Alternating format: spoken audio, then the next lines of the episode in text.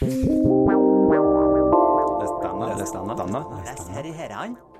vi er Theodor, Kina og Isabella fra Bergen katedralskole, og vi skal snakke litt om boken 304 dager av Simon Stranger. Ja, boken er ganske spesiell. Han handler i stort sett om krig, menn og følelser.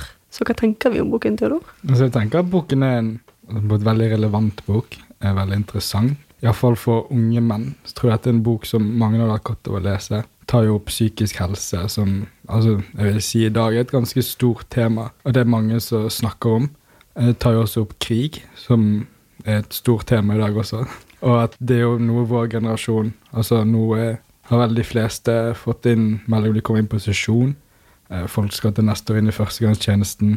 Og da er jo på en måte da kommer du et skritt nærmere krig. Og det å da kunne lese litt om det og få litt forståelse tror jeg kan være veldig viktig for veldig mange. Det er jo to hovedkarakterer, kan du si, eh, i denne romanen som vi blir kjent med. Kan dere fortelle meg, eller fortelle lytterne litt hvem de er, om det er noe bemerkelsesverdig med de, og hva de står for? Ja, jeg kan jo begynne med Nicholas, som på en måte er hovedprotagonisten i denne boken. da. Eh, Så han er en eh, norsk mann som har vært i Afghanistan og er nå en veteran. Han har da opplevd veldig mye grusomt da og fått uh, påvist lidelsen PTSD, altså posttraumatisk stresslidelse. Og da, på en måte som han forklarer, da, at han lever i en evig krig i seg selv. Arman er den andre hovedkarakteren. Han er fra Afghanistan. Han, han er veldig sint. Han er en veldig sårbar person som lever et ganske annerledes liv enn Nicolas. Han lever en ganske sånn streng kultur, og du får på en måte hele livet hans. Men han er, han er, han er ja, Jeg kan jo si at han er sårbar hele livet, egentlig. Det er det som jeg fikk mest ut av han, det var at han var veldig sårbar. Altså Disse karakterene er jo basert på ekte hendelser. da. Så Nicholas er basert på én person, Nicholas Dreyer, som når han var 21 og dro til Afghanistan. Og han kom da hjem og fikk da PTSD, som jeg har sagt. Og alle, altså alle tingene vi får lære om Nicholas i boken, er basert på en ekte person og den sine eh, opplevelser. Og så er det vel Aman. Han har vel litt annerledes vinkling. Ja, han er jo basert på en samling av fortellinger eller hendelser fra folk i Afghanistan. Altså Han er på en måte en oppsummering av den type person som han representerer. Så han er ikke en, ek en ekte person, men basert på og bygget videre på. Mm. Og det er jo noe eh, Stranger gjorde med vilje, da. Det å basere på ekte personer. Eh, og som han selv sa, en av fordelene med å jobbe med sanne historier, er at sannheten noen ganger kan være så grusom at den er vanskelig å tro. Og det føler jeg denne boken representerer eh, veldig bra. Samtidig som det at han tar inn vinklinger fra begge sider, gjør det også mer realistisk. Det er jo lettere å tro på det, fordi at du får en mye mer forståelse for f.eks. PTSD, og hvordan det er for kanskje mennesker og enkeltpersoner å leve under krig med vanskelige situasjoner, og du får et mye større og bredt innblikk i det, som jeg personlig ikke har lest i noen andre romaner på denne måten før. Ja, iallfall det når han tar inn andre kulturer.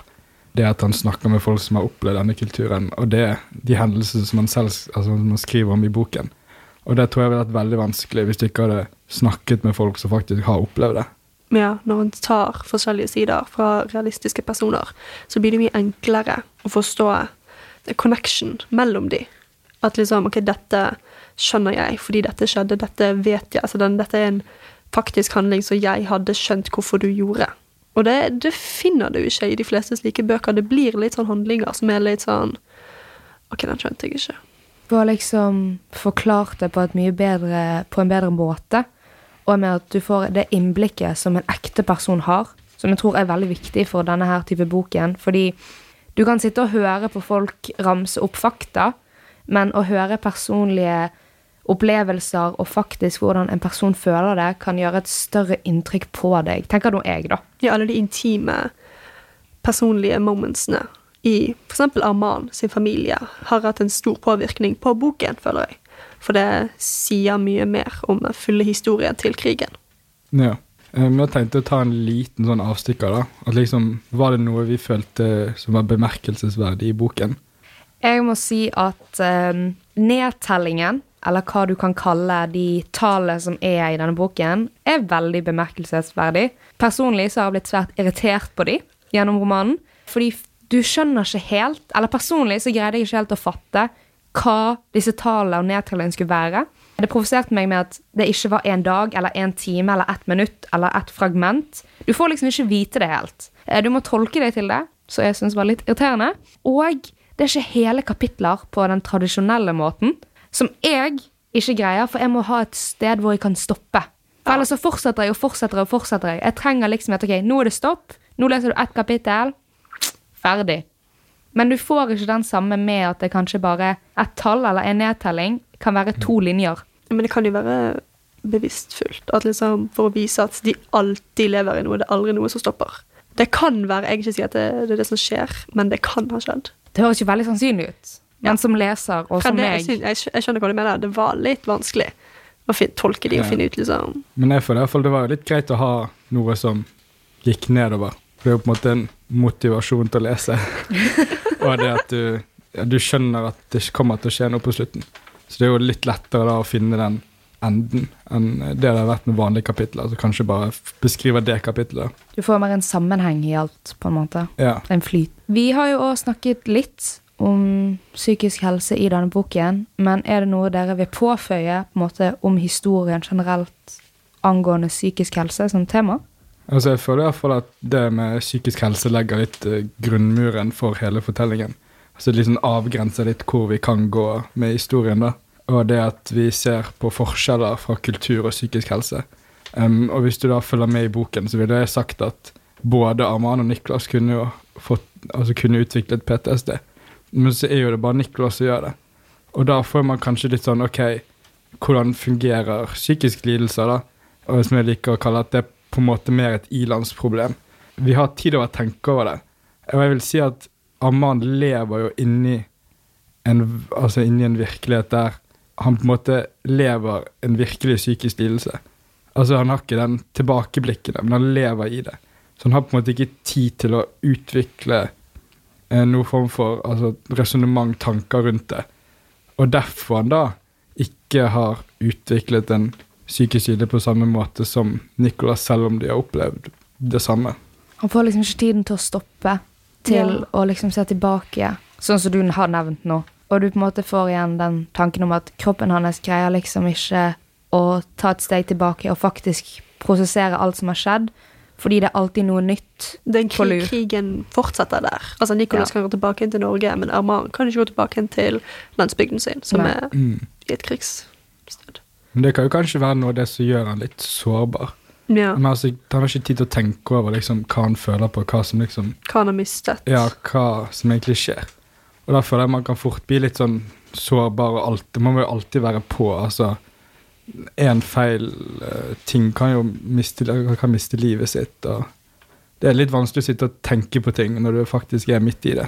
Det blir jo Du prioriterer sikkert ned din egen mental helse når det er ting som er Å, jeg har ikke mat, jeg har ikke klær, jeg kan ikke Jeg har ikke hatt ungene mine. Nei. Altså, De er i fare. Alle er i fare. Han har vært i fare hele livet. Så det er jo ikke rart at han egentlig ikke Får muligheten. Ja, Men det er også rart at han har hatt en så liten reaksjon på det. Ja. For at han har vært gjennom så mye.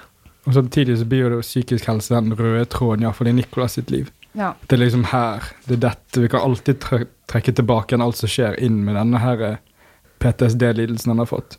Og da blir det den røde tråden som boken Altså, jeg mener boken kanskje ikke hadde hatt like mye uten han. Men samtidig så hadde det ikke vært mulig å ha en sånn handling uten en lidelse. Så at han lager, han lager på en måte for meg grunnmur, og han er en rød tråd. Så hva tenker vi om slutten? Altså, hvordan var boken for deg? Altså, når du var ferdig, hva satt du litt sånn igjen med av tanker? Så ikke for å spoile, men litt mer sånn Hva satt du selv igjen med? Ingen spoilers her. Ingen spoilers, ingen spoilers. Jeg var disappointed. Jeg var svært disappointed over hva han, hvordan slutten var. Jeg skjønte det. Det er svært uh, forutsigbart. Jeg likte ikke slutten. Nei, jeg forventet mer. Ja. Eh, for å si det mildt. Uh, fordi jeg syns boken griper deg i cirka, cirka halvveis i, så griper den deg ganske mye. Og du får endelig liksom gode følelser og relasjoner til disse karakterene, og du forventer at de skal gjøre mye mer, og at det er mye mer som kommer til å skje. Så jeg ble òg litt skuffet, må jeg si, på slutten der. eh, det ble litt antiklimaks, da, tenker jeg. Men jeg kan jo selvfølgelig se hvor forfatteren går, og at det er en riktig vei for hans karakterer å gå også. Men personlig kunne hatt et lite mer sånn wow Damn. på slutten. Det hadde vært greit. Da blir det kanskje litt mer sånn uvirkelig. Føler Ja, ja. den slutten Ja. er veldig virkelig. Det er sånn Det, det kunne ha skjedd. Det Det blir jo- ikke noe sånn sykt sånn pang, wow. Nei. Det er jo veldig troverdig. Ja. Ja. Det er jo sikkert noe som har skjedd veldig mange ganger også. Ja. ja. Det var kanskje derfor han er litt antiklimatisk. for Ja. det er jo fra virkeligheten. Og virkeligheten er jo ikke alltid sånn Wow. glamorøs og Damn. stor og wow. ja. Men hvis du skulle oppsummert boken med én setning, Kine, hva skulle det vært?